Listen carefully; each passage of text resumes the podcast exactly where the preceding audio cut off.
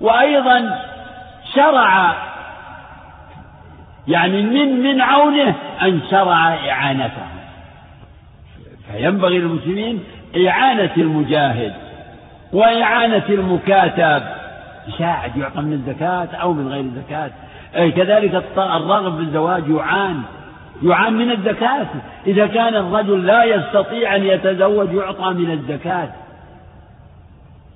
يعني في حدود الأمر الضروري كالمهر الذي لا بد منه والنفقات التي لا بد منها. ثلاثة حق على الله عونه فالشيخ رحمه الله اختار ذكر هذا الحديث يعني المشتمل عليه من من آه، الندب إلى هذه الأمور الثلاثة والندب إلى الإنفاق فيها. فهو يعني حق فقوله حق على الله عونهم يشمل العون الشرعي والعون الكوني. والله أعلم. حسبك يا شيخ أحسن الله عليكم هذا السائل فضل الشيخ يقول آه، ما صحة حديث من صلى لله أربعين من صلى أربعين يوما يدرك تكبيرة الإحرام كتبت له براءتان فهل هذا الحديث صحيح؟ والله أنا ما, أعرفه. ولا وللناس فيه كلام. كثير ومتنه عليه علامة الضعف والله أعلم. نعم. أحسن الله يقول لو أن شخصا احتطب من أرض مملوكة بدون حاجة فهل يجوز له ذلك؟ كيف بدون حاجة؟ احتطب من أرض مملوكة؟ ما هو حاطب إلا, إلا لحاجة. إلا لحاجة. إما أنه يبي يشب على طعامه ولا يشب يتدفى ولا يمكن يروح يبيع حتى يقوت نفسه. نعم. أحسن الله عليكم يقول لماذا يريد المؤلف بعض الأحاديث الضعيفة؟ قلنا مرات إن هكذا أهل العلم يستدلون بأحاديث ضعيفة لكن معانيها صحيحة تشهد لها الأصول والقواعد. كثير. في حديث في بلوغ المرام ثالث حديث. الماء طهور لا ينجسه شيء إلا ما غلب على ريحه وطعمه. ولونه هذا حديث ضعيف لكن معناه مجمع عليه. هم يذكرون الأحاديث ك يعني يعتبرونه يعني كأصل ويستشهدون به. وإذا كان الكلام صحيح وهو منسوب إلى الرسول ولهم من قبيل الموضوع. إما إذا عرف أنه موضوع فلا فلا يريده أهل العلم. نعم. أحسن الله يقول ما حكم الصلاة في أرض مملوكة دون إذن صاحبها؟ يجوز. يجوز إن شاء الله لا حول ولا قوة. أرض مملوكة مباحة مفتوحة مفتوحة في بر إقطاع.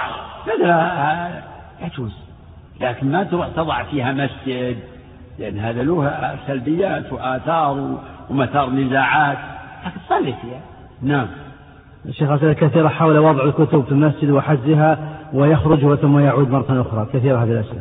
والله ما أدري الحجز إما إن كان وضع الحج بعد السبق ويكون الخروج عرضيا فهذا مثل من يكون في الصف ثم تعرض له حاجة فنرجو أن هذا حق بمكانه يرجع يخرج ويتوضأ ويعود.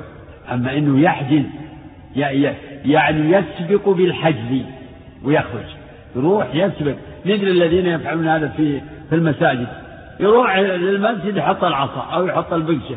بقشة المصحف ويخرج. يعني هو من أصل هو أصل ما نوى يجلس فالزير يحجز لا هذا لا يجوز. نعم. أحسن الله لكم يقول ما هو الأفضل في الصف الأول؟ هل هو اليمين مطلقا أو الأقرب للإمام؟ والله أنا عندي أنه الأقرب للإمام وإلا لازم أن يكون الصف جناح مائل. ما, ما يظهر لي والله أعلم. نعم. أحسن الله لكم يقول هل يصح أن علم الفرائض هو أول علم يرفع من الأرض. ورد في هذا الحديث لكنه ضعيف. نعم. يقول هلك هالك وله ابن كانت بينه وبين والده تجارة فكيف وقد جمع مالهما؟ ما أدري والله السؤال هذا يحتاج إلى تفصيل استفصال ما ما ينفع طرحه بهذه الطريقة. نعم. أحسن الله لكم يقول ما حكم تأخير قسمة الميراث؟ هذا جائز. يجوز إذا اتفقوا على التأخير يتأخر. أما إذا كان بعضهم يريد القسمة يجب. تجب المبادرة إذا كان بعضهم. يعني واحد شبعان وواحد جائع. واحد يقول أعطوني حقي أنا وش أسوي؟ فلا يجوز للآخرين أن يمتنعوا إلا إذا كان هناك ظروف اضطرارية لا يتمكنون معها من القسمة. نعم. أحسن الله يقول نريد متنا مختصرا في الفرائض لحفظه. ما شوف يعني المتون والمؤلفات كبيرة وصغيرة ونحن كنا نحفظ الرحبية وننصح ونحفظ كذلك الفوائد الجلية لشيخنا الشيخ عبد العزيز بن باز. جزاك الله. أحسن الله إليكم ما يفعل بينكم وصلى الله على نبينا محمد. نعم. الشيخ أحد الأخوان جاء الكلام عن إيه أرسل لي رسالة واحدة على الجوال عن أسمر ابن مدرس الطائي. ذكر المترجم له في الإصابة. يعني يمكن لبحث الموضوع أرسل مضمون البحث. وأنه لا له صحبة وليس له إلا هذا الحديث. محمد اللي عندك؟ كذا نعم. إي نعم تفضل. يمكن ما يدرون؟ أقرأ. قال في تهذيب الكمال أسمر بن مدرس الطائي من أعراب البصرة. من أعراب البصرة. له عن النبي صلى الله عليه وسلم حديث واحد.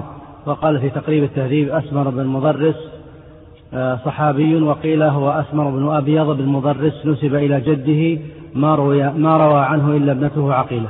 انتهى. وقال في الإصابة شيخ أسمر بن مدرس الطائي قال البخاري وابن السكن له صحبة وحديث واحد وقال أبو عمر هو أخو عروة بن مدرس وهو أعرابي. زين هذه فائدة. أخو عروة بن مدرس أخو عروة بن مدرس مشهور. له حديث نعم. وقال ابن منده هو أسمر بن أبيض بن مدرس زاد في نسبه أبيض وقال عداده في أهل, في أهل البصرة. يقول قلت وأخرج حديثه أبو داود بإسناد حسن وذكر الحديث. جزاك الله خير. جزا الله الباحث خير الباحثين. نعم. أحسن الله إليك. بارك الله آه، بسم الله الرحمن الرحيم. الحمد لله رب العالمين وصلى الله وسلم وبارك على نبينا محمد وعلى آله وصحبه أجمعين. قال رحمه الله تعالى المحرمات من الرضاعة. عن عائشة رضي الله تعالى عنها قالت قال رسول الله صلى الله عليه وسلم يحرم من الرضاعة ما يحرم من الولادة. متفق عليه. الحمد لله وصلى الله وسلم وبارك على عبده ورسوله وعلى آله وصحبه ومن اهتدى بهداه. عن أم المؤمنين عائشة رضي الله عنها أن رسول الله صلى الله عليه وسلم قال يحرم من الرضاعة ما يحرم من الولادة. وفي لفظ الولادة تحرم ما تحرم الولادة. وكذلك في الصحيحين عن ابن عباس رضي الله عنهما أن النبي صلى الله عليه وسلم قال يحرم من الرضاع ما يحرم من النسب. الله تعالى حرم من النساء جملة بصريح القرآن. فحرم من النسب سبعا الأمهات والبنات والأخوات والعمات والخالات وبنات الأخ وبنات الأخ. فهؤلاء محرمات بنص القرآن. هن ومن وراءهم يعني الأمهات وإن علون من الجدات والبنات وإن نزلن كبنت الإبن وبنت البنت والأخوات وبناتهن منصوصة وبنات وبنات الأخت والعمات فقط دون بناتهن والخالات فقط دون بناتهن وبنات الأخ وإن نزلن وبنات الأخت وإن نزلن والعمات والخالات وإن علونا يعني فروع الأصول العمات هي من فروع الأصول فالعمة هي فرع الجد أو الجدة والخالة كذلك من جهة من جهة الأم. فالمحرمات بالنسب المحرمات بالنسب سبع وذكر الله سبحانه وتعالى المحرمات بسبب المصاهرة أربع. وأفرد واحدة منهم في الآية الأولى.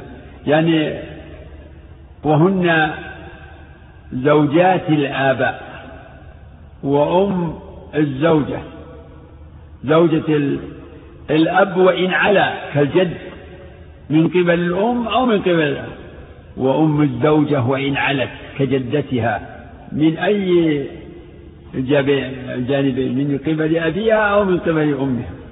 وأمهات النساء والثالثة الربائب وهن بنات الزوجة. بشرط الدخول بالأم بنص القرآن اللاتي دخلتم بهن فإن لم تكونوا دخلتم بهن فلا جناح عليه والصنف الرابع حلائل الأبناء. وحلائل أبنائكم الذين من أصلابكم. فهؤلاء محرمات بالمصاهرة. يعني بسبب المصاهرة بسبب النكاح.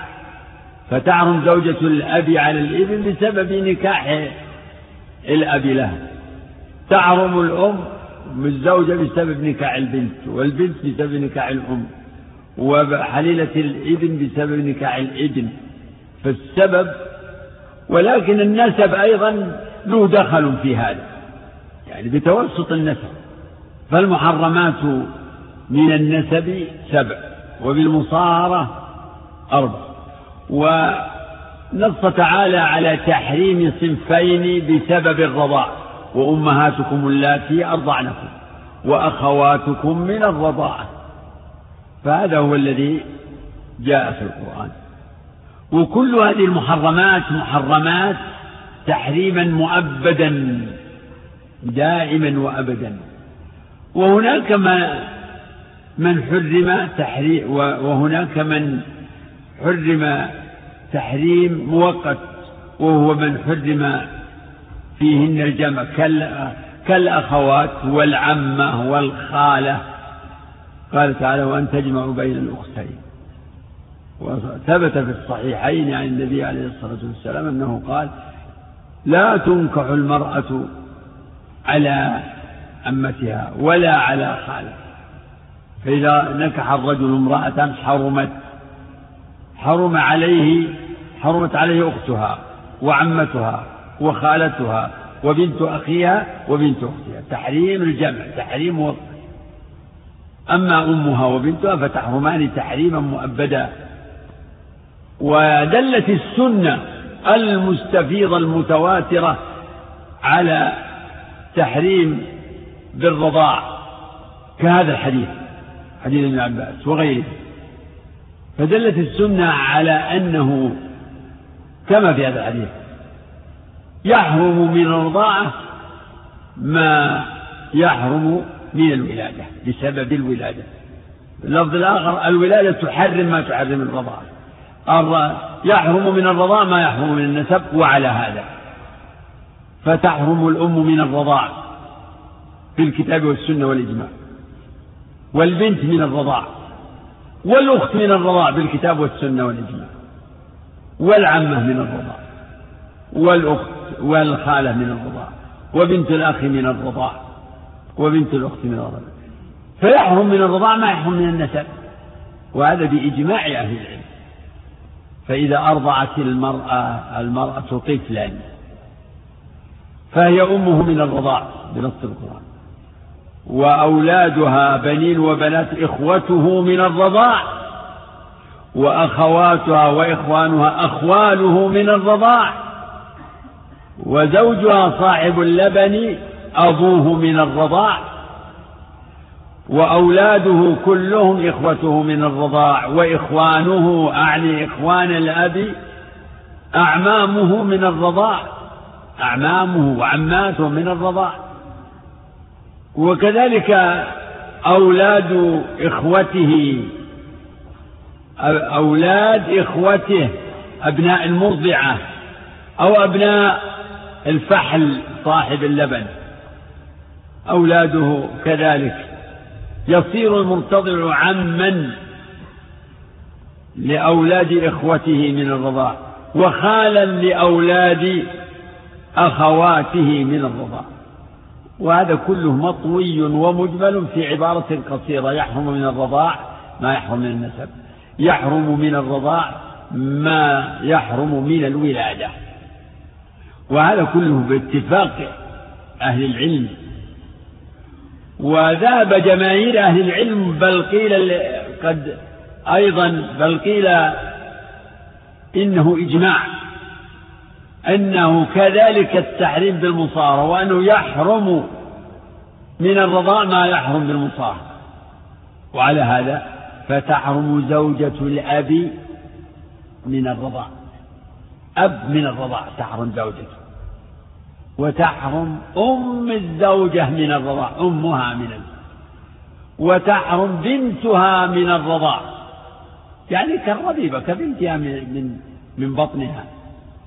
وزوجة الابن يعني إنسان له ابن من الرضاع وزوجته وله زوجة. كذلك. هذا الذي عليه جماهير أهل العلم وفيه شيء من الخلاف. لحديث يحرم من الرضاع ما يحرم من النسب. وهؤلاء محرمات بالمصاهرة. لكن الجمهور يقولون إن هؤلاء المحرمات بالمصاهرة إنما هو بتوسط النسب. فما دام أب من الرضاع فقوله تعالى ولا تنكحوا ما نكح آباؤكم. يشمل آباءك آباؤكم. يشمل الأب, الأب من النسب والأب من الرضاع وهكذا قوله وأمهات نسائكم من النسب أو من الرضاع فالنسب يعني متوسط في تحريم المصاهرة. فلذلك قال أهل العلم إنه يحرم من الرضاع كل ما كل المحرمات. المحرمات بالنسب أو المحرمات بالمصاهرة والرضاع يوجب يعني لا يوجب تحريم النكاح.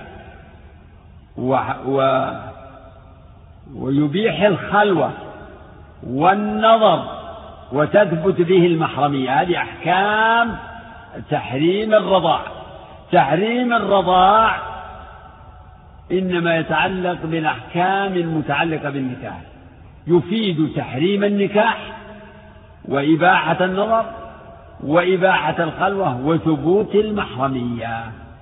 يعني فابن المرأة ابن المرأة من الرضاع يحرم عليه نكاحها كأمه. ويله أن يخلو بها وينظر إليها ويسافر بها. هكذا ثم إن التحريم بالرضا في الآية وفي الحديث هذا الذي عندنا حديث ابن عباس مطلق. وأمهاتكم التي أرضعنكم. أرضعنكم؟ كم؟ يحرم من الرضاع ما يحرم من النسب. يحرم من الرضاع ما يحرم من الولادة. الرضاع في هذه في الآية وفي هذه الحديث مطلق. لم يقيد بقدر ولا سن ولا شيء. لكن جاءت نصوص مبينة أنه ليس كل رضاع محرم. في تفصيل. فقد صح النبي عليه الصلاة والسلام أنه قال لا تحرم الرضعة والرضعتان والمصة والمصتان أو الإملاج والإملاجتان وصح عن عائشة رضي الله عنها أنها قالت كان فيما أنزل من القرآن عشر رضاعات معلومات يحرمن ثم نسخن بخمس رضاعات معلومات. ثم توفي رسول الله صلى الله عليه وسلم وهن فيما يقرأ من القرآن. وثبت أنه عليه الصلاة والسلام قال لسهلة بنت سهيل امرأة أبي حذيفة أرضعيه خمس رضعات تحرمي عليه. تعني أو يعني ما مولاهم سالم سالم مولى أبي حذيفة. المقصود إنه إن هذه النصوص تبين أنه ليس كل رضاع محرم إنما يحرم قدر. ولهذا اختلف الناس في هذا. فمنهم من قال إن هذه النصوص لا مفهوم لها وأن أي رضاع محرم قطرة من الرضاع تحرم. ومنهم من قال إنما يحرم ثلاث رضعات الرضع والرضعتين لا تحرم وإنما تحرم ثلاث. وقال جمهور العلماء إنما يحرم خمس رضعات وهذا هو الصواب. ولأن الأصل يعني التحريم الأصل عادة يعني الأصل عدم يعني تحريم النكاح. الأصل إباحة نكاح النساء. فلا يثبت التحريم ولا تثبت أحكام التحريم إلا بيقين خمس رضاعات. فلا تثبت أحكام الرضاعة إلا بخمس. الأحكام التي ذكرت تحريم النكاح إباحة الخلوة والنظر ثبوت المحرمية فالأصل أنها أن هذه الأحكام لا تثبت إلا بدليل وأن الأصل هو تحريم النظر وتحريم آه، الخلوة وتحريم وعدم المحرمية وإباحة النكاح هذا هو الأصل. إذا فالآية وأمهاتكم اللاتي أرضعنكم وأخواتكم من الرضاعة وحديث الرضاعة تحرم ما تحرم الولادة يحرم من الرضاعة ما يحرم من النسب كل ذلك مقيد بالأدلة الدالة على تقدير الرضاع المحرم بخمس رضاعات. والمعروف والمشهور أن الرضعة الرضعة هي أن يلتقم الصبي الثدي فيمتص منه حتى يتركه. ما تتحكم فيه الأم يعني تلقمه الثدي ثم تسحب حتى يعني تسرع حتى تعدد لا تتركه يرضع فإذا ترك هذه واحدة كما أن الرضاع المحرم هو ما كان في الحولين كما ثبت عن النبي عليه الصلاة والسلام أنه قال لا رضاع إلا في الحولين. وقال لا يحرم من الرضاع إلا ما أنبت اللحم وأنشز العظم. فيعلم من هذه الأحاديث أن الرضاع أيضا المحرم إنما يكون في الحولين في مدة الإرضاع التي ذكرها الله في قوله والوالدات يرضعن أولادهن حولين كاملين وقال وفصاله في حول في عامين فصاله مدة الإرضاع وحمله وفصاله ثلاثون شهرا. فلا يحرم إلا ما كان في الحولين وفي بعض الأحاديث لا يحرم من الرضاع إلا ما فتق الأمعاء وكان قبل الفطام. فعلم من هذا كله أن مطلق رضاع لا يحرم. لابد أن يكون مقيد بهذه الشروط. فيشترط للرضاع المحرم أن يكون خمس رضعات فأكثر ويشترط أن يكون في مدة الإرضاع في الحولين وقبل الفطام. أما إذا كان بعدما يفطم الطفل ويستغني بالطعام والشراب فإرضاعه بعد ذلك غير محدد وتذكر هنا مسألة إرضاع الكبير وهذه فيها خلاف جماهير أهل العلم. على أن إرضاع الكبير لا يحرم. الطفل إذا تجاوز سن الإرضاع وفطم واستقل بنفسه فلو ارتضى فإرضعه وهكذا لو كبر أصبح ذا لحية. إنه لا لو أرضعته المرأة فإنه لا يحرم. جاء عن عائشة رضي الله عنها بل هو المعروف عنها أنه جواز أو صحة إرضاع الكبير وثبوت التحريم بإرضاع الكبير مستدلة بحديث سهلة امرأة أبي حذيفة فإنها قالت للنبي عليه الصلاة والسلام إن سالم مولى أبي حذيفة يعني كان معنا و يعني عاش بيننا وإن وإنه الآن يعني كبر. فقال أرضعيه خمس رضعات أرضعيه خمسا تحرمي عليه. فذهب من أهل العلم إلى أن من كانت له مثل حالة سالم فإنه يجوز إرضاعه لرفع حرج الاحتشام والتحفظ. أما إرضاعها الكبير أي واحد يجي ترضعه المرأة حتى يدخل عليها فهذا ليس بمستقيم ولا ولا يدل له حديث سهلة.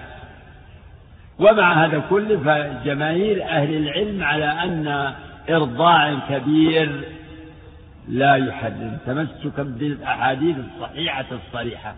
ويقولون إن قصة سالم مولى أبي حذيفة وسهلة بنت سهيل زوجة أبي حذيفة إن هذه من القضايا الخاصة.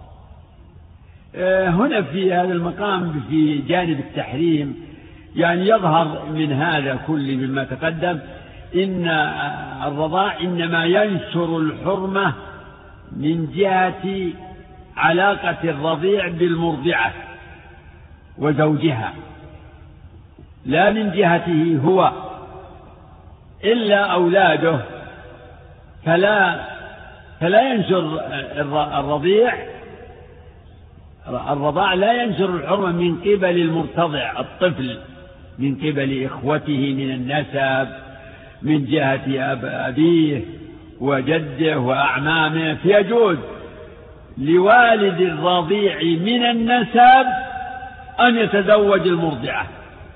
وكذلك أخوه له أن يتزوج المرضعة أو يتزوج أخوات الرضيع من الرضاع. لأن حرمة الرضاع إنما تنتشر من قبل المرضعة وزوجها. كما تقدم أن المرأة إذا أرضعت طفلا حرمت عليه وكذلك أولادها إخوته وأولاد زوجها إخوته وإخوانها أخواله إلى آخره. لكن ابن الرضيع ولد الرضيع تكون المرضعة جدته. أولادها تنتشر الحرمة حرمة حرمة الرضاعة تنتشر في أولاده خاص. دون أبيه وإخوته من النسب وما إلى ذلك وأعمامه. نعم شيخ. حسن معاشرة الزوجة. عن أبي هريرة رضي الله تعالى عنه قال قال رسول الله صلى الله عليه وسلم لا يفرك مؤمن مؤمنة إن كره منها خلقا رضي منها آخر رواه مسلم.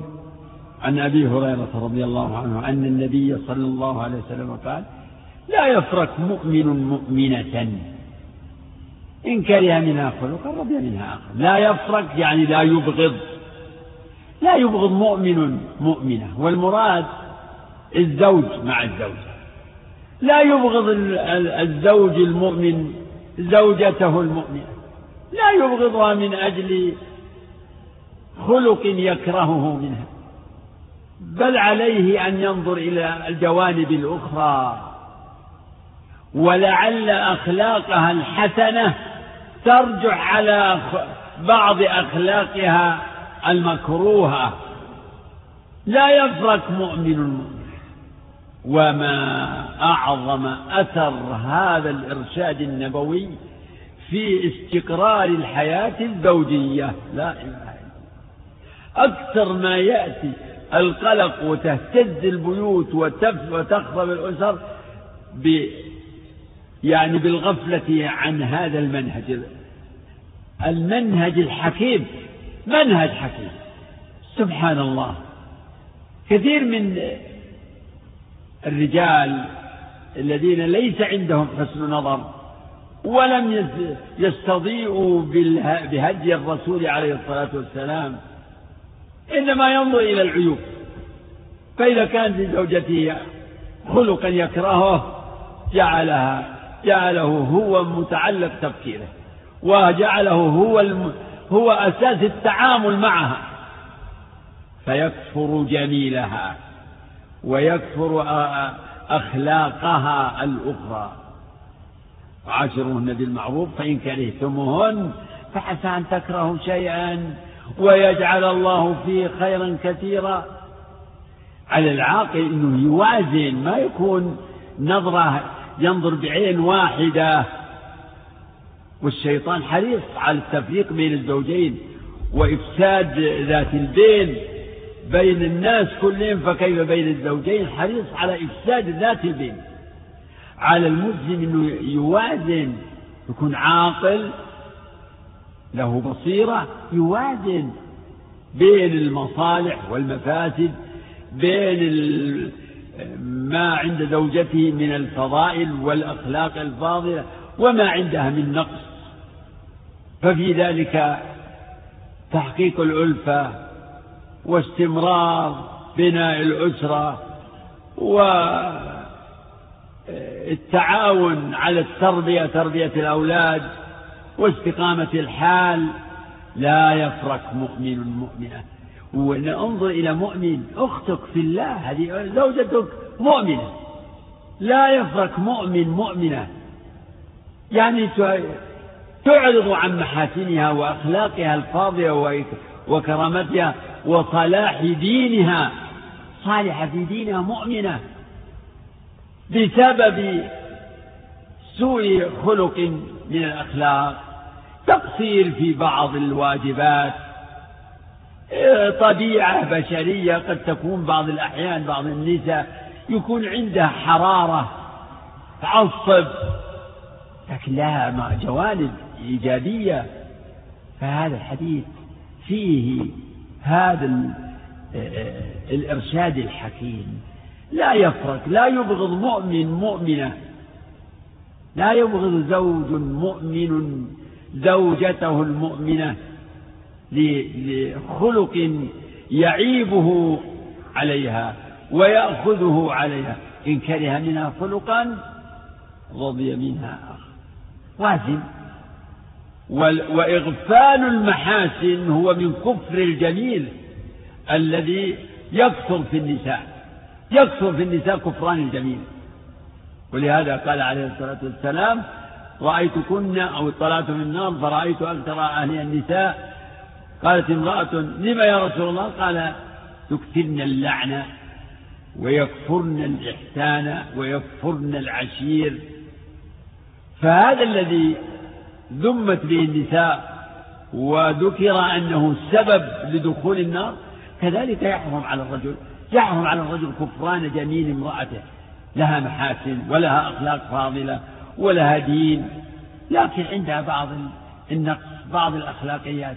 يجب أنه ألا يطغى الجانب السلبي على الجانب الإيجابي كما يقولون بل عليه أن أن يعفو ويغفر ويتسامح. إذا كان عندها يعني شيء من من مثل هذا يعني تعصيب أو ربما أحيانا آه، ضجر أو مثلا آه، إلحاح في طلب حاجات.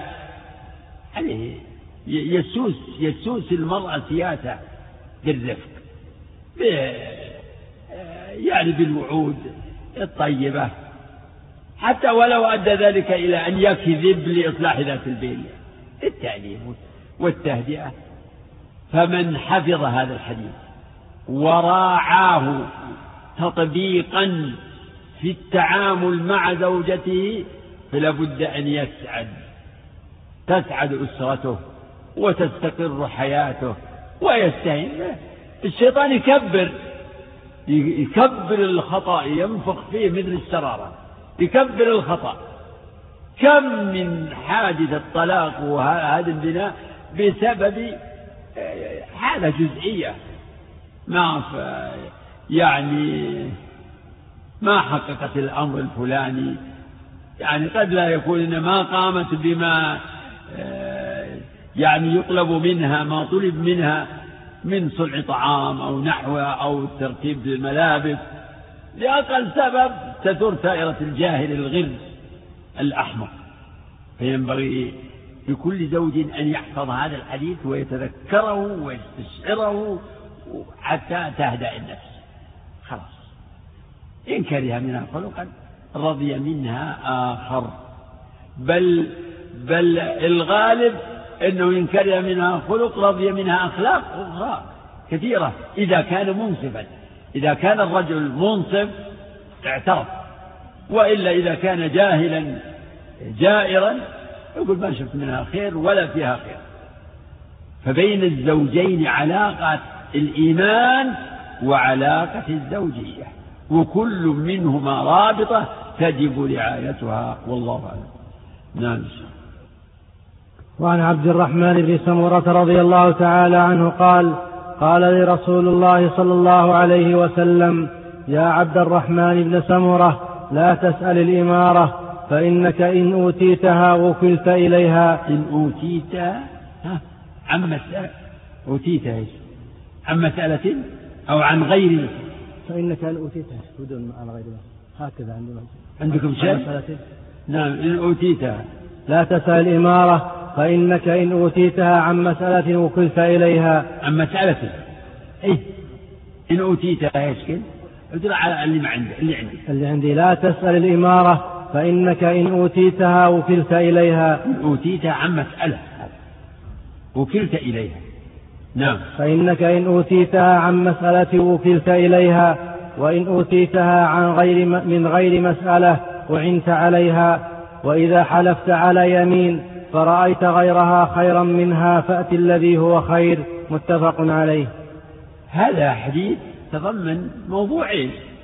عن عبد الرحمن بن سمرة رضي الله عنه أن النبي صلى الله عليه وسلم قال له يا عبد الرحمن لا تسأل الإمارة لا تطلب الولاية. وقد صح النبي عليه الصلاة والسلام أنه قال إنا لا نولي أمرنا هذا أو لا نولي أمرنا من طلب لا تسأل الإمارة. لا تطلب الولاية. الإمارة أو القضاء. يعني هذا التعبير ليس خاصا بما يسمى أمارة أو إمارة. بل هذا عام معناه معناه عام في الولايات. لا تسأل الولاية. إمارة قضاء أي ولاية؟ لا تسأل الإمارة وبين صلى الله عليه وسلم سر ذلك. قال فإنك إن أوتيت أوتيت الإمارة عن مسألة وكلت إليها وكلك الله إليها فلم تفلح في القيام بها. هذا المعنى. وكلت إلى نفسك ووكلت إلى المنصب الوظيفة. يعني وكلك الله إليها. وكلت إليها يعني وكلك الله إليها. ولم يعنك. ومن حرم ومن حرم العون من الله لم يربح ولم يفلح. ولم يوف ولم يؤدي ولم يؤدي ما وكل إليه وما عهد به إليه. وإن أوتيتها من غير مسألة أعنت عليها يعني أعانك الله عليها. فتوفق وتؤدي المسؤولية كما ينبغي ويترتب على عملك آه، صلاح الأمور. وتكون في عملك هذا مسددا موفقا. ترتب على ولايتك الخير والمصالح وتندفع المفاسد والحديث ظاهر في هذا. وعلى ولي الأمر أن يختار في أي عمل من الأعمال الإمارات أو القضاء والأحكام وسائر الأعمال أن يختار من يكون أقوى وأقدر على القيام بهذه المهمة. بالوظيفة ومقومات القدرة أو الأهلية مقومات الأهلية هي القوة والأمانة. إن خير من استأجرت القوي الأمين. هاتان الصفتان القوة والقدرة على العمل والأمانة. فهاتان الصفتان هما قوام كل عمل كل الأعمال. يعني أعمال الولاية. هذا محورها ومدارها القدرة والأمانة. وسؤال الولاية وطلبها هذا يشعر بالحرص على المصالح والمكاسب المادية دون اهتمام بما وراء ذلك. وهي مسؤولية. الولاية أي ولاية هي مسؤولية. ولهذا يسمى أصحاب المناصب الكبيرة المسؤول مسؤولون الآن في مسؤول لأنه نعم هو مسؤول وكل مسؤول. كما قال صلى الله عليه وسلم كلكم راع وكلكم مسؤول عن رعيته. المسؤولية عامة. ولكن جاء في قصة يوسف عليه السلام أنه لما دعاه الملك قال الملك ائتوني به أستخلصه لنفسي. فلما كلمه قال إنك اليوم لدينا مكين أمين. قال اجعلني على خزائن الأرض إني حفيظ عليم. فهذا فهي تدل على جواز طلب الولاية. ولكن هذا محمول على ما إذا تعين. الشخص ما هنالك من يقوم؟ يوسف عليه السلام في ذا الظرف هو هو المتعين لهذا المنصب ثم إن الملك دعاه. قال الملك ائتوني بي أستخلص لنفسي فهو يريد أن يستفيد من من خبرته ومن علمه. فكأنه يقول له الآن أنت لك عندنا منزلة. نريد أن يعني أن نوليك. فهو الآن قد هيأه للولاية. فهو أخبر بما, بما, بما يختاره من الولايات التي يعني يكون له الأثر الكبير والأثر آه، الحميد اجعلني على خزائن الأرض إني حفيظ فيها. يعني ذو قدرة على الحفظ وأمانة وعنده خبرة أيضا. إني حفيظ عليم. وكذلك مكنا ليوسف في الأرض يتبوأ منها حيث يشاء نصيب برحمتنا من نشاء ولا نضيع أجر المحسنين. فإذا يعني تعين ولم يكن هناك يعني من من يقوم بهذه المهمة فيجوز للإنسان أن ولا سيما إذا كان لا يعرف عنه يعرف بنفسه يقول إني حفيظ اجعلني على خزائن الأرض إني حفيظ عليم. فيكون ما ما دل على دلت عليه الآية في في قصة يوسف يعني مخصص لما آه، لإطلاق النهي عن سؤال الإمارة. لا تسأل الإمارة. يا عبد الرحمن بن لا تسأل الإمارة. فإنك إن أوتيتها من عن مسألة وكلت إليها. وإن أوتيتها من غير مسألة أعنت عليها. ثم أرشده النبي صلى الله عليه وسلم إلى موضوع ولعله مناسبة. قال وإذا حلفت على يمين فرأيت غيرها خيرا منها فأت الذي هو خير. وفي فأت الذي هو خير الذي يظهر من الحديث فيه وكفر عن يمينك. كما صح عن النبي عليه الصلاة والسلام أنه قال والذي نفسي بيده لا أحلف على يمين. فأرى غيرها خيرا منها إلا كفرت عن يميني وأتيت الذي هو. إذا حلف الإنسان على أمر حلف على فعل أو ترك اليمين التي تتعلق بها الكفارة هي اليمين على أمر مستقبل. أما الحلف على يعني خبر واقع فتلك إما أن تكون صدقا أو تكون كذبا. ولا تدخل فيها الكفارة. إنما تدخل الكفارة في الحلف على أمر مستقبل. والله لا أفعل والله لا أفعل. والله لا أقول كذا. والله لا لا, لا يكون كذا. والله لا تذهب. يحلف على أمور مستقبل. الحلف على مثل ذلك إما أن يكون على فعل واجب يحلف على فعل واجب أو مستحب. فهنا الخيار في فعل المستحب وأما الواجب فإن اليمين تؤكده اليمين تؤكد فعل الواجب. وإما أن يكون الحلف على فعل محرم أو مكروه أو مباح. فهنا ما حكم الحنس يجب الحنس وتجب والكفارة في الحلف على فعل محرم. يجب الحنس ويستحب الحنس في الحلف على فعل مكروه. ويحرم الحنس في الحلف على فعل واجب. يجوز أن يحلف الإنسان بل عليه أن يفعل واجب. ويكره الحنس في الحلف على فعل المستحب فقوله عليه الصلاة والسلام فإذا وإذا حلفت على يمين فرأيت غيرها خيرا منها.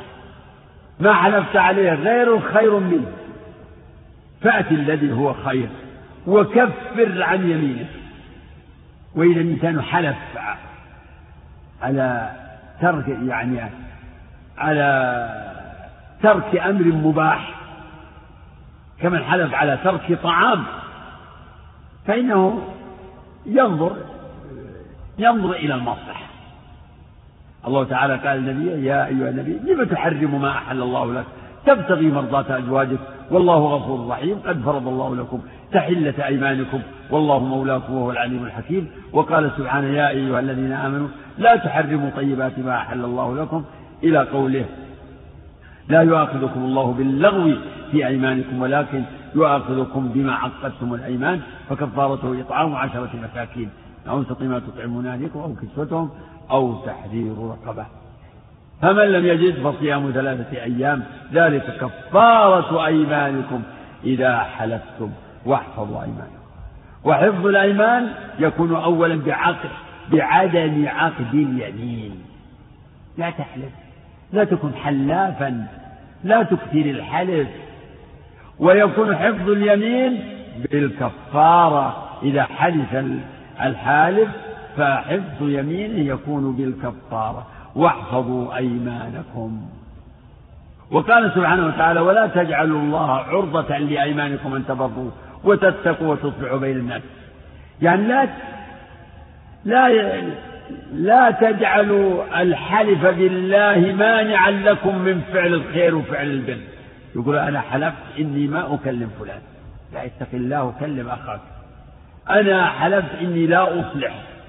أنا حلفت إني ما إني ما أعطي ما أتصدق. لا تجعلوا الله عرضة لأمانكم. أن تبروا وتتقوا وتصلحوا بين الناس. ولما وجد أبو بكر على مصطح وجد عليه بسبب ما خاض فيه من أمر الإفك حلف ألا ينفق عليه. فأنزل الله ولا يأت لأولو الفضل منكم والسعة أن يؤتوا أولي القربى والمساكين والمهاجرين في سبيل الله وليعفوا وليصفحوا. ألا تحبون أن يغفر الله لكم؟ والله غفور رحيم. فلا يكون اليمين مانعا بل كفر عن يمينك وافعل الخير كفر عن يمينك وتصدق. كفر عن يمينك وأصلح. كفر عن يمينك وأطع ربك. لا يكون اليمين مانعا لك. هذا وصلى الله وسلم وبارك نعم. يراجع نفس الحديث ما أقول ما, في مشكلة. فإنك إن أوتيتها نعم. أقول يراجع نفس الحديث. إن كان ما فيها عن مسألة يكون ما إنه مبني على فإنك يعني مبني يكون المعنى إن أوتيت عن مسألة. لا بأس. يعني هو هو المعنى على هذا. نعم. أحسن يقول إذا أرضعت امرأة أرضعت امرأة آه، طفلا ولا تدري كم عدد الرضعات ما هو العمل. إذا كانت لا تدري فالأصل عدم ثبوت الحرمة. لكن يبقى هذا الرضاع شبهة. فيجتنب النكاح وكذا لوجود الشبهة. نعم. أما ثبوت أحكام تحريم الرضاع فلا تثبت. لا تثبت لا تثبت المحرمية ولا الخلوة ولا يباح النظر نعم. أحسن الله يقول هل طلب إمامة المسجد أو ترشيح نفسه في الانتخابات؟ هل هذا من طلب الإمارة؟ والله فيه. الله المستعان. الوضع كله مخالف لمقتضى هذا الحديث؟ الله المستعان. لكن لكن كأن كأنهم أحيانا كان قديما يعلنون كأنهم يستدعون يعلنون عن الوظيفة. إذا جاءت يعلنون يعني من كان عنده لا يتقدم يعني في دعوة. ناس عندنا وظيفة نبي ودنا اللي يجد في نفسه أهلية تفضل. هذا كأنه يخفف. يعني كأنه يشبه يشبه قصة الملك. قال الملك ائتوني لي استخلص لنفسي. يعني في استدعاء وفي طلب ولأن ولي الأمر قد لا يدري نعم. أحسن الله إليكم. يقول ما هي حدود أمير أمير أمير السفر؟ وهل له طاعة مطلقة وفي كل مكان؟ ما الظاهر فيه شؤون السفر. كل شيء في حدوده. لشؤون السفر يعني من ناحية آه، ترتيب السير والمشي ومثل كذا. ينبغي أن أن أن أن يرعى مصلحة الرفاق. أن يرعى مصلحة الرفاق. نعم. أحسن يقول قول الشخص حرام علي فعل كذا. هل هذه صيغة حلف؟ أي نعم. يمين. إذا حرم على نفسه حرام علي أن أشرب هذا الماء. خلاص.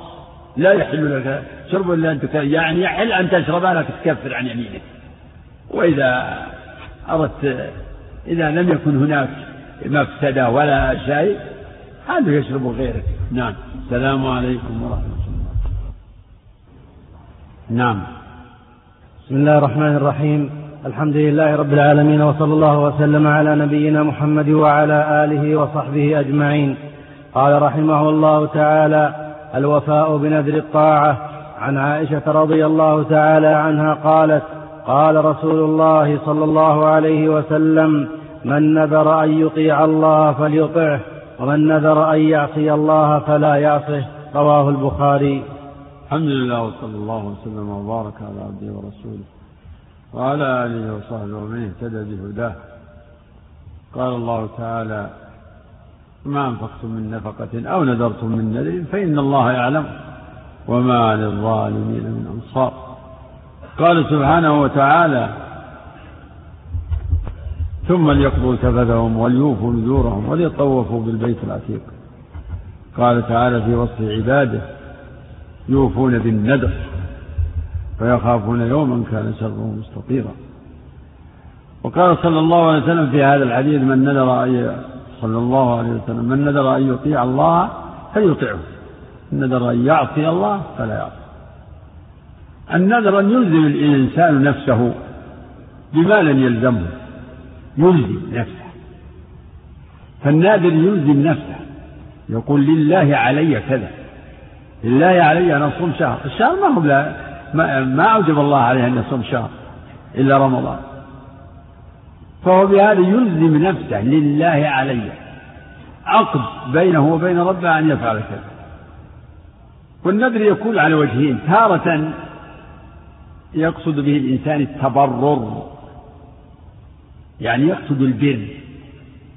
وتارة يقصد بالنذر حظ نفسه أو منع نفسه من أمر. وهذا النذر يسمى نذر اللجاج والغضب.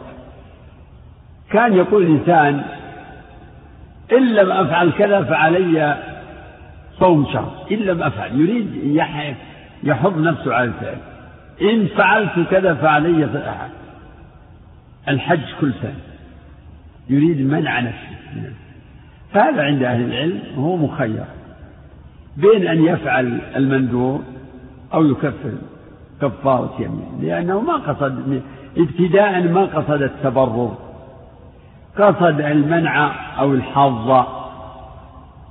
سميها العلماء نذر اللجاج وغضب أما النذر الذي يراد به التبرر يعني يقصد به البر فهو كذلك نوعان. أحدهما أن يقصد بالنذر إلزام نفسه فعل الطاعة لأنه يشوف نفسه مقصر. يشوف نفسه مقصر. أنا ما ينفع. لله علي أن أصوم كل شهر ثلاثة أيام. شوف نفسه ما يصوم فهو يحمل نفسه على هذا. فيوجب على نفسه ما لم يوجب الله عليه. وهذا كله نذر طاعة. والثاني أن يقصد بنذره حصول أمر أن يكون نذره معلق على حصول أمر من ربه. إن شفى الله مريضي فعلي الصوم. علي صيام ثلاثة أيام من كل شهر. علي صيام شهر. إن شفى الله مريضي. إن نلت هذا المال إن ملكت كذا من المال فعلي التصدق به أو فإني أتصدق بنصفه بثلثه. إيه. هذا نذر معلق وهو يتضمن الوعد. يتضمن الوعد. وهذا النذر أعني نذر التبرر يجب الوفاء به. لهذا الحديث الذي قرأناه. من نذر أن يطيع الله فليطعه. نذر أن يطيع أي طاعة صلاة قراءة قرآن صيام صدقة حفظ كتاب حفظ علم. من نذر أن يطيع الله؟ ذكر. من نذر أن يطيع الله؟ فليطعه. نذر أن يحج. نذر أن يعتمر. نذر أن يزور المسجد النبوي أو المسجد الأقصى. كل هذا النذر طاعة فيجب الوفاء به. لكنه إذا نذر الصلاة في المسجد النبوي أو المسجد الأقصى أجزأه أن يصلي في المسجد الحرام لأنه أفضل. يجب الوفاء به لهذا الحديث. نذر أن يعتكف. لكن إذا كان النذر من يعني غير معلق على حصول أمر فالأمر فيه أهون وإن كان وإن كان الوفاء واجبا. أما إذا كان النذر معلقا فإن الإخلاف هو إخلاف وعد. فمن قال لله عليه إن شفى الله مريضي أو إن أعطاني كذا أو إن إن إن توظفت فسأتصدق بربع الراتب فإنه يجب عليه الوفاء وإذا لم يفتي فله نصيب من قوله تعالى ومنهم من عاهد الله لئن آتانا من فضله لنصدقن ولنكونن من الصالحين فلما آتاهم من فضله بخلوا به. أعوذ خطير جدا الإخلال بالنذر المعلق على حصول أمر. فلما آتاهم من فضله بخلوا به وتولوا وهم معرضون فأعقبهم نفاقا في قلوبهم إلى يوم يلقونه بما أخلفوا الله ما وعدوه وبما كانوا يكذبون. خطير. خطر. ثم إن عقد النذر عقد ابتداء النذر هذا ما غير مشروع ما ينبغي خصوصا النذر المعلق. النذر المعلق على شيء هذا غلط لأن الذي يفعل ذلك يغلط من من وجوه. أولا إن النذر ليس سببا في حصول المطلوب. يعني لو قال قائل إن شفى الله مريضي أو إن توظف أو إن تزوجت فلانة أو ما أشبه ذلك فلله علي كذا هذا النذر ليس سببا. لا ليس سببا. يعني لو فرض إنه يعني لو حصل المطلوب لا يصح أن يقول والله هذا بسبب نذري بسبب إني نذرت. لا.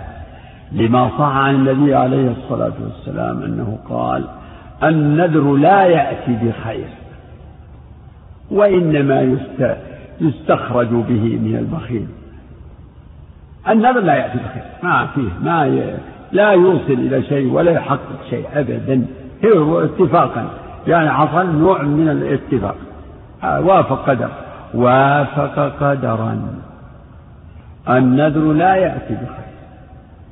وإنما يستخرج به من البخيل. نعم.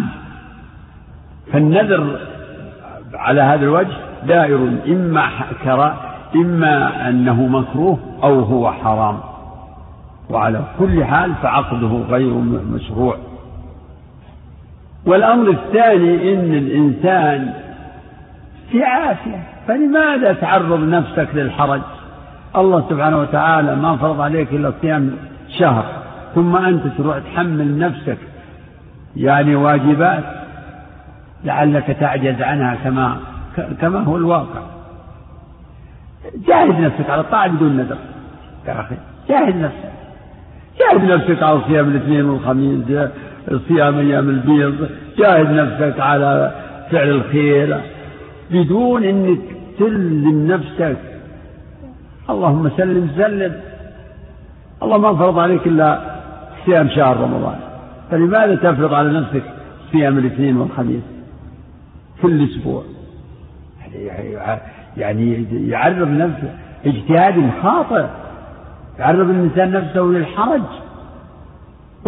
وهذا كثير ممن يعني يعني طاب لهم أو استحسنوا أن ينذروا ندموا كثير يندمون يروح يلتمس مخرج ما في. من نذر أن يطيع الله فليطيعه. فالوفاء بنذر الطاعة هو من صفات الصالحين يوفون بالنذر فهو محمود. وقوله في الحديث ومن نذر أن يعصي الله فلا يعصي هذا ظاهر.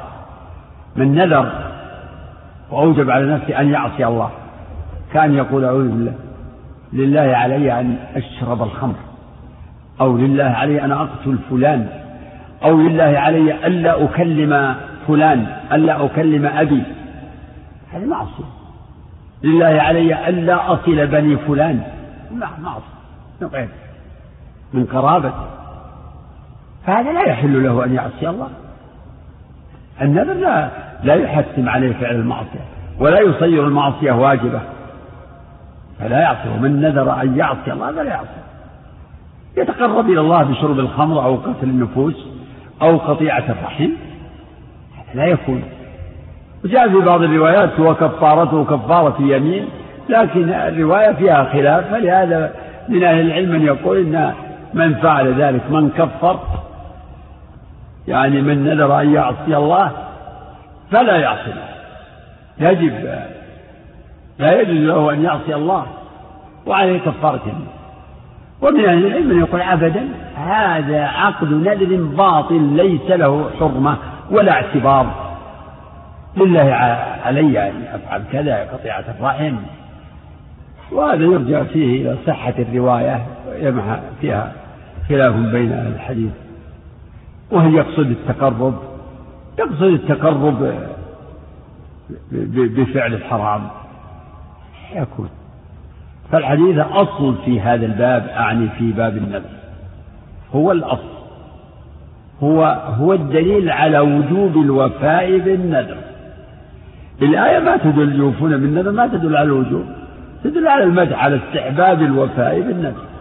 أما الحديث فيدل للأمر للأمر لقوله فليطعه من نذر أن يطيع الله فليطعه الله المستعان. نعم عن علي رضي الله تعالى عنه قال قال رسول الله صلى الله عليه وسلم المسلمون تتكافأ دماؤهم ويسعى بذمتهم أدناهم ويرد عليهم أقصاهم وهم يد على من سواهم ألا لا يقتل مسلم بكافر ولا ذو عهد في عهده رواه أبو داود والنسائي ورواه ابن ماجه عن ابن عباس عن علي رضي الله عنه أن النبي صلى الله عليه وسلم قال المسلمون تتكافأ دماؤهم تتكافأ أي تتماثل؟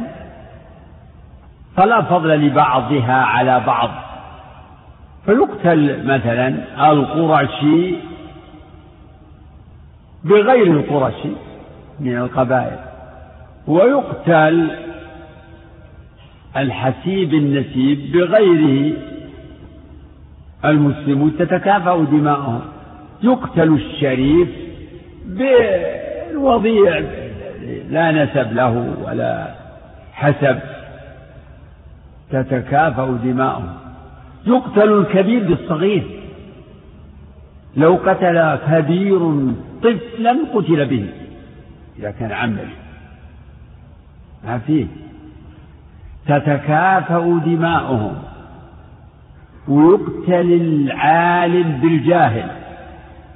واحد كبير مهندس وهو طبيب كبير. قتل إنسانا صعلوكا عاملا من من العمالة من العمالة.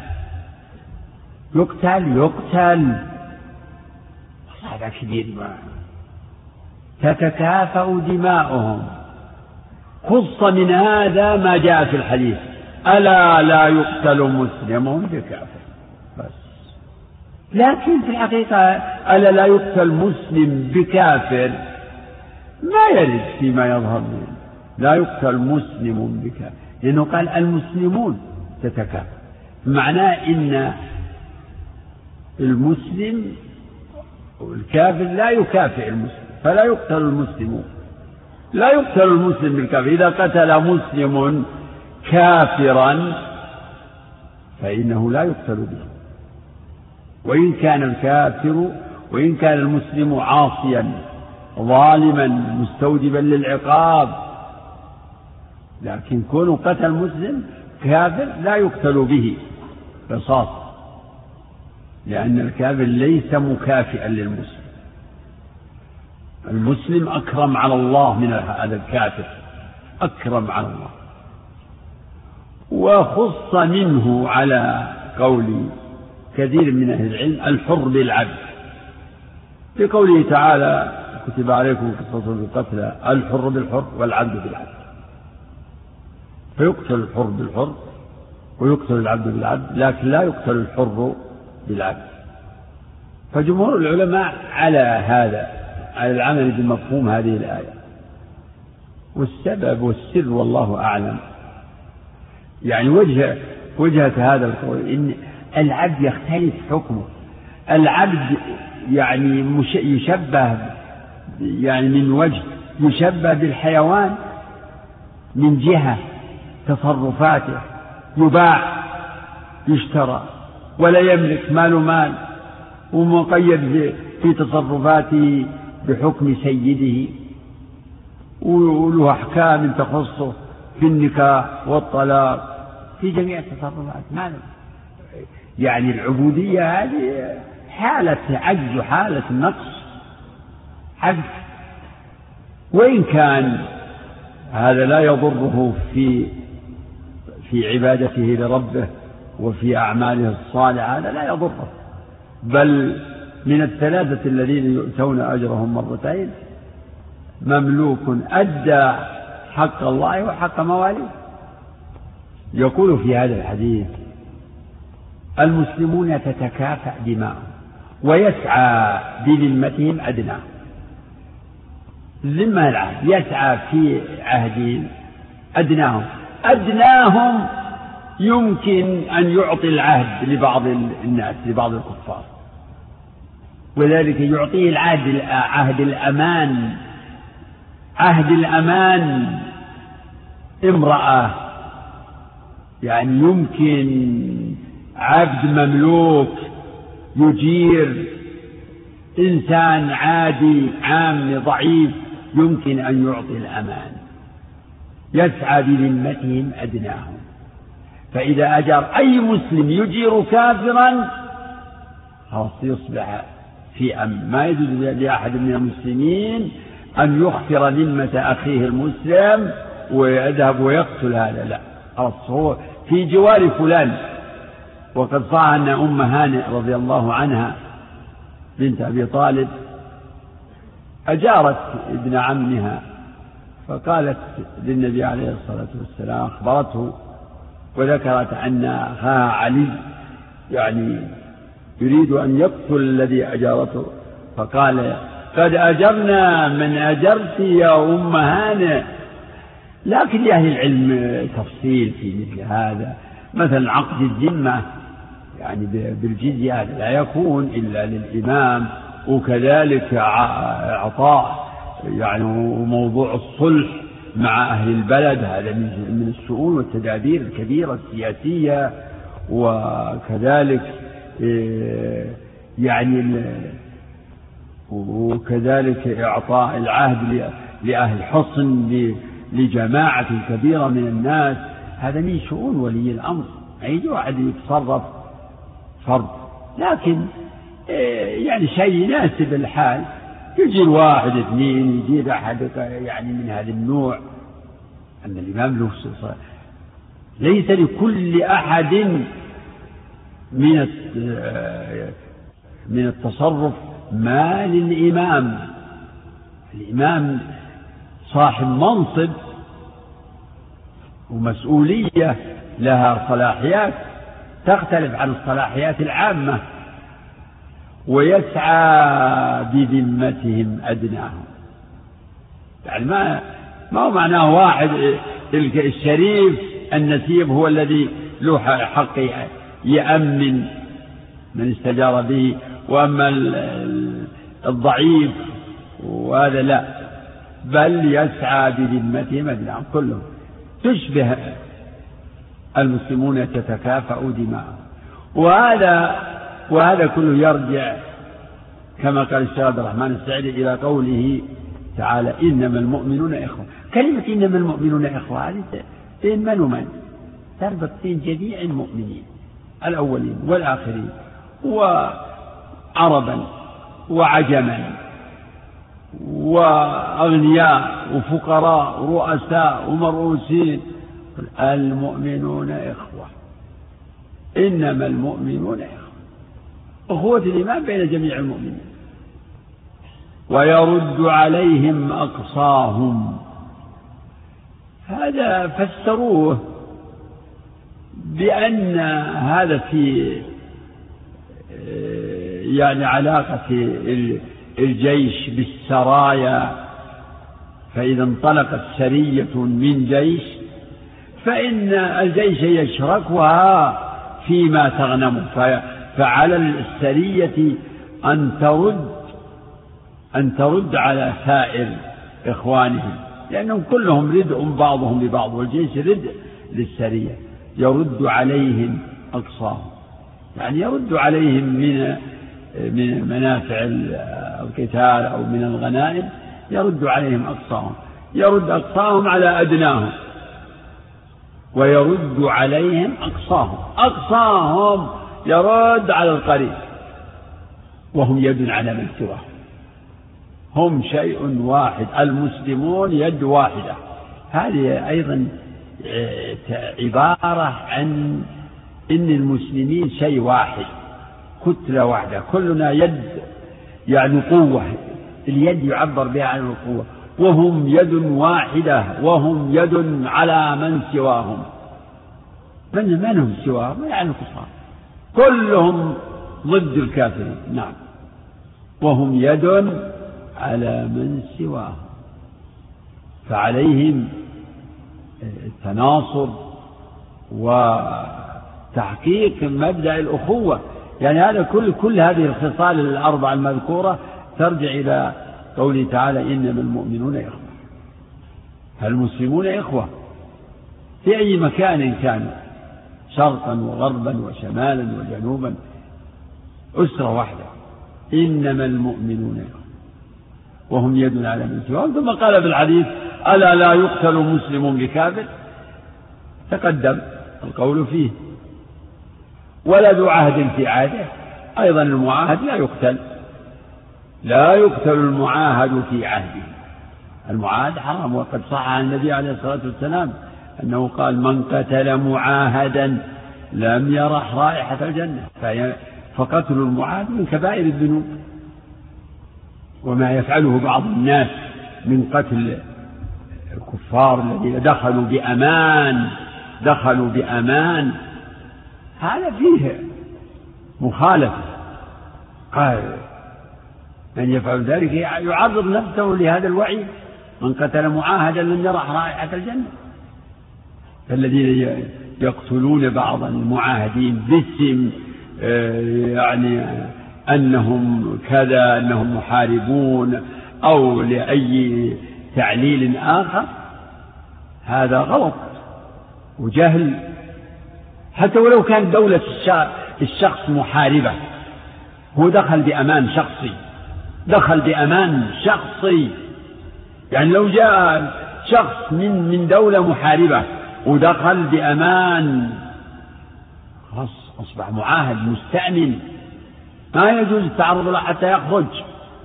حتى يخرج وإن أحد من المشركين استجارك فأجله حتى يسمع كلام الله ثم أبلغه مأمنة. إنسان جاء لشأن لمهمة لعمل. يعني يفرض أنه خبير مهندس طبيب. هذا جايب عنده عنده يعني ما يسمى بالتأشيرة هذه صك أمان روحه يجب يعني فهم هذه الحقيقة لأنها مجال غلط كبير. نشأ عنها يعني أضرار أضرار كبيرة بسبب الغلط. وإن كان من يقع منه بعض هذه الأمور يمكن أن يقال أنه متأول لكن التأويل لا لا يكون مسوغا لهذا التصرف. لا هذا باطل. لكن هذا التأويل قد يكون ينفعه عند الله سبحانه وتعالى. فرق بين من يقتل يقتل المسلم متأولا ومن يقتل المعاهد متأولا ومن يقتله يعني بغيا وعدوانا محضا. فرق. قد يقتل المسلم المسلم متعودا. لكن مع ذلك يبقى يبقى الحكم قائما والتحريم قائما. وهذا حرام. ولا حول ولا قوة إلا بالله. نعم الحمد التخصص في المهن عن عمرو بن شعيب عن أبيه عن جده أن رسول الله صلى الله عليه وسلم قال من تطبب ولم يعلم منه طب فهو ضامن رواه أبو داود والنسائي. تعلمون أن هذه العناوين من آه، يعني من الناشر ولا الشيخ ما وضع عناوين للأحاديث. الحديث الأول الثاني الرابع الخمسين إلى آخره. الحمد لله عن عن عمرو بن شعيب عن أبيه شعيب عن جده محمد ابن عبد الله أو عن جد شعيب. عبد الله بن عمرو بن العاص رضي الله عنهما عن النبي صلى الله عليه وسلم أنه قال من تطبب ولم يعلم منه لم يعلم منه طب فهو ظالم. تطبب يعني احترف وتكلف الطب تفعله. ولم يعلم إنه طبيب وإنه ذو خبرة ومهارة وتجربة ودراسة لا. بس فتح عياده ولا فتح محل وصار يداوي الناس وهو والله لا عنده خبرة ولا شيء. ولم يعلم منه طب فهو ضامن لما ترتب على طبه من سلف النفوس أو الأطراف. تطبب وتسبب في قتل نفس تطبب وتسبب في تلف طرف. فهو ضامن عليه عليه الدية يعني. يعتبر من قبيل قتل الخطأ. واعتبر العلماء وقاس العلماء هذا الحديث وإن كان أيضا من الأحاديث المضاعفة فمعناه صحيح ومتفق على معناه. لأن هذا المتطبب فاعل لما لم يؤذن له فيه. لم يؤذن له شرعا. لا يجوز لمن لا يحسن الطب أن يتطبب. ويعالج الناس وهو لا يحسن ولا وليس له خبرة. لا يجوز. بس بالتخرص يتخرص يعطي الناس أدوية ويعمل لهم إجراءات. ما يجوز. واعتبر العلماء معنى هذا الحديث على كل الحرف كل الحرف كل من تعاطى حرفة وهو لا يحسنها إذا أتلف شيئا فهو ضامن. يعني قل واحد فتح ورشة سيارات وهو وبدأ من جاهز قاعد يحوس السيارة ما عنده خبرة ولا تجربة إذا أتلف شيئا فإنه ضامن. وقس على هذا سائر الحرف كل من احترف يعني حرفة وادعى حرفة وهو في الحقيقة لا يحسنها لا يت... لم يحسنها بالتجربة ولا بالدراسة. الدراسة التي تؤهله فإنه إذا أتلف شيئا كان ضامنا ولهذا من من أراد أن يفتح محل عيادة طب ولا أراد أن يفتح محل يعني للهندسة. لابد أن يأتي بمؤهل حتى يؤذن له. أما يفتح محل وبس. اللهم إلا واحد يفتح محل ويأتي بخبرات. ناس يحملون شهادات صحيحة لا مزيفة. والتزييف كثير و كثير في الناس. فهذا غير مأذون. كل من يعني امتهن مهنة لا يحسنها فهو ففعله هذا حرام. وما أتلفه بسبب تصرفه وعمله فإنه ضامن له يضمنه. أما آه، ذو الخبرة طبيب مهندس في أي صناعة كهربائي ذو الخبرة إذا أتلف شيئا في حدود المأذون فيه في حدود المأذون فيه فلا ضمان عليه. في حدود يعني أكثر ما تظهر في الطب في الطبيب. طبيب خبير وكذا وسوى العملية بكل المواصفات ولا حصل من خطأ. ثم تلف هذا الإنسان. ما هذا. أو مدرس أدب صبيا التأديب المعقول المعتاد. ثم إنه صار أثر هذا التأديب حتى إنه سبب له مشكلة أو فإنه كذلك لا ضمان عليه لأنها لأن ما نتج عن المأذون فيها هدر. ما نتج عن المأذون فيه هو هدر يعني غير مضمون. نتج عن شيء مأذون فيه. لكن إذا أخطأ الطبيب أخطأ في في عمله.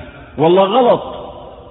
يعني كان يريد يعمل العملية في هذا الجانب ويستعمل أو مثلا لابد أن أنه يبنج تبنيج كامل وهو استعجل ولا بنج. ما عمل أخطأ خلاف في التعليمات تعليمات الطب. أو كما قال الفقهاء مثال موجود في الفقه الخاتم. واحد خاتم قطع القلفة والله يا أخي التهبت التهب المحل ثم سر الالتهاب فمات الصبي. هذا ما, ما غير ضامن لأنه ما سوى شيء. فعل المأذون في قطع القلفة قطع عادي. لكن واحد لا. لما أراد يختن تجاوزت يده فقطع شيء من الحشبة انتهى. الآن جنت يده. جنت يده فيضمن. غاية الأمر أنه أخطأ؟ هو أخطأ. فلا فليس له أن يقول أنا أنا طبيب. لا طبيب. ما هو معنى إنه إن أخطائك خلاص مغتفرة. المأذون لك فيه هو ما؟ هو في حدود يعني المشروع والشيء المطلوب الذي يتقاضاه ذلك العمل. فلا ضمان على الطبيب والخاتم إذا إذا ترتب على فعله المأذون فيه إذا ترتب على فعله المأذون فيه تلف فلا ضمان عليه. إلا إذا جنت أيديهم. هكذا يقول إذا جنت يد الطبيب. والله غلط. كان يعطيه يبي يعطيه وصفة طبية من نوع كذا. فغلط وأعطاه. نوع ما هو بالمطلوب ولا هو بالمناسب. لا. هذا غلط. هو غلط في في تفكيره في توهمه في كتابته. فيضمن ما تلف. يضمن التلف الناتج عن عن هذا الخطأ. وهكذا. وهذا الكلام وهذا الترتيب يعني كله معقول جدا. هذا ما تقضي به الفطر والعقول. هذا العدل. هذا هو العدل. تضمين من فعل ما ما أذن له فيه هذا خلاف في العقل والفطرة والشرع. وإسقاط الضمان عن المعتدي المخطئ أيضا هذا خلاف العقل والفطرة والشرع. هذا يعطينا تصور عن عن الفقه الإسلامي والأحكام الإسلامية أنها في غاية يعني يعني مبنية على الحكم والمقاصد والمعاني. سبحان الله العظيم. من تطبب ولم يعلم منه الطب فهو ضامن يعني لما أتلف نعم هذا والله أعلم صلى الله عليه وسلم نعم يا شيخ نعم. بسم الله الرحمن الرحيم. الحمد لله رب العالمين وصلى الله وسلم على نبينا محمد وعلى آله وصحبه أجمعين. قال رحمه الله تعالى عن عائشة رضي الله تعالى عنها قالت قال رسول الله صلى الله عليه وسلم ادرأوا الحدود عن المسلمين ما استطعتم فإن كان له مخرج فخلوا سبيله فإن الإمام أن يخطئ في العفو خير من أن يخطئ في العقوبة. رواه الترمذي مرفوعا وموقوفا. الحمد لله وصلى الله وسلم وبارك على عبده ورسوله وعلى آله وصحبه من اهتدى بهداه. هذا الحديث متفق على معناه في الجملة. عن عائشة رضي الله عنها أم المؤمنين رسول الله صلى الله عليه وسلم قال ادرأوا الحدود عن المسلمين ما استطعتم ادرأوا يعني ادفعوا. ادرأوا الحدود عن المسلمين ما استطعتم ادفعوا الحدود. والحدود في الحقيقة تطلق في الشرع على المحرمات. تلك حدود الله فلا تقربوها. هذه حدود الله. تلك حدود الله فلا تقربوها. وتطلق الحدود على الأحكام المحددة التي يعني في في المباح. والواجب والمستحب. قال الله تلك حدود الله فلا تعتدوها. حدود لا يجوز تعديها وهي حدود المباح وحدود الواجب وحدود المستحب. لا يجوز تجاوزها. تلك حدود الله فلا تعتدوها. لا إله إلا الله. واصطلح الفقهاء من اصطلاحات الفقهاء أن الحدود العقوبات المقدرة ويقابلونها بالتعزير فمثلا حد الزنا مئة جلدة حد الزاني الرجل حدود حد القاذف وما سوى ما جاء من الحدود فهي تعذيرات تعذيرات متفاوتة تفاوتا كثيرا. فهذا إذا أخذنا على المفهوم الشرعي. يعني ادرأوا الحدود يعني عقوبات الحدود عقوبات الذنوب ادرأوها أو ادرأوا الذنوب التي يتهم بها بعض الناس ادرأوها ادفعوها ما استطعتم. وهذا معنى ما ورد ادرأوا الحدود بالشبهات. والأصل في المسلم هو البراءة. البراءة مما يتهم به. هذا هو الأصل. فلا يثبت على على المكلف.